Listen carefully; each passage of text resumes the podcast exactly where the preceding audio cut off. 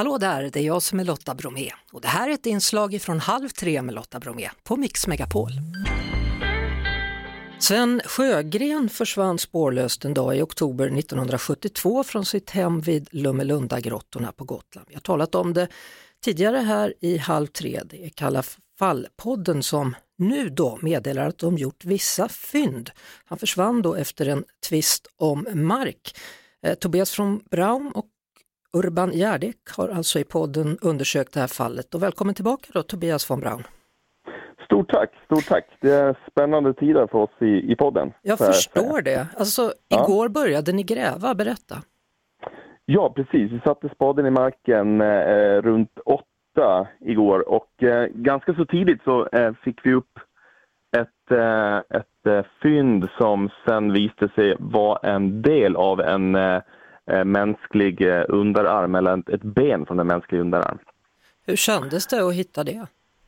Eh, ja, alltså det, det känns naturligtvis fantastiskt. Eh, nu hittar vi det här, ehm, det här benet i, i vårt sorterverk där vi la allt material.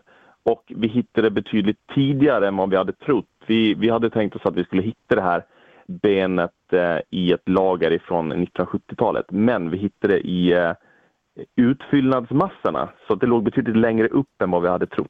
Eh, så att, eh, det var väl lite besk eftersmak till att börja med, men sen visade det sig att det här materialet förmodligen är taget ifrån tippen det också. Så att eh, nu känns det eh, med ens väldigt bra igen.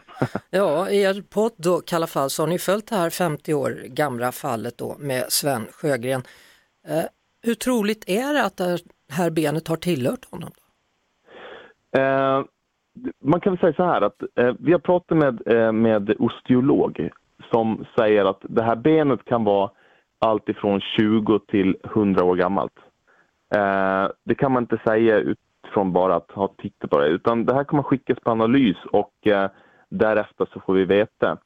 Och eh, vi har också eh, DNA ifrån eh, Svens anhöriga som skulle kunna bestämma då om det är det här, om det är ett ben som tillhör Sven. Mm. Så vi kommer få svar, men nu vet vi inte.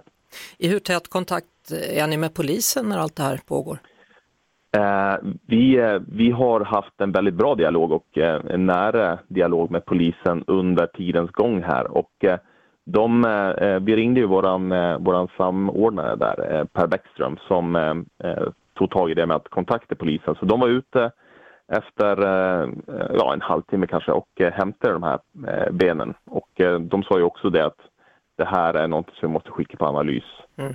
Så de, de är väldigt behjälpliga. Eh, det kommer fler säsonger har jag hört av Kalla fall. Hörru.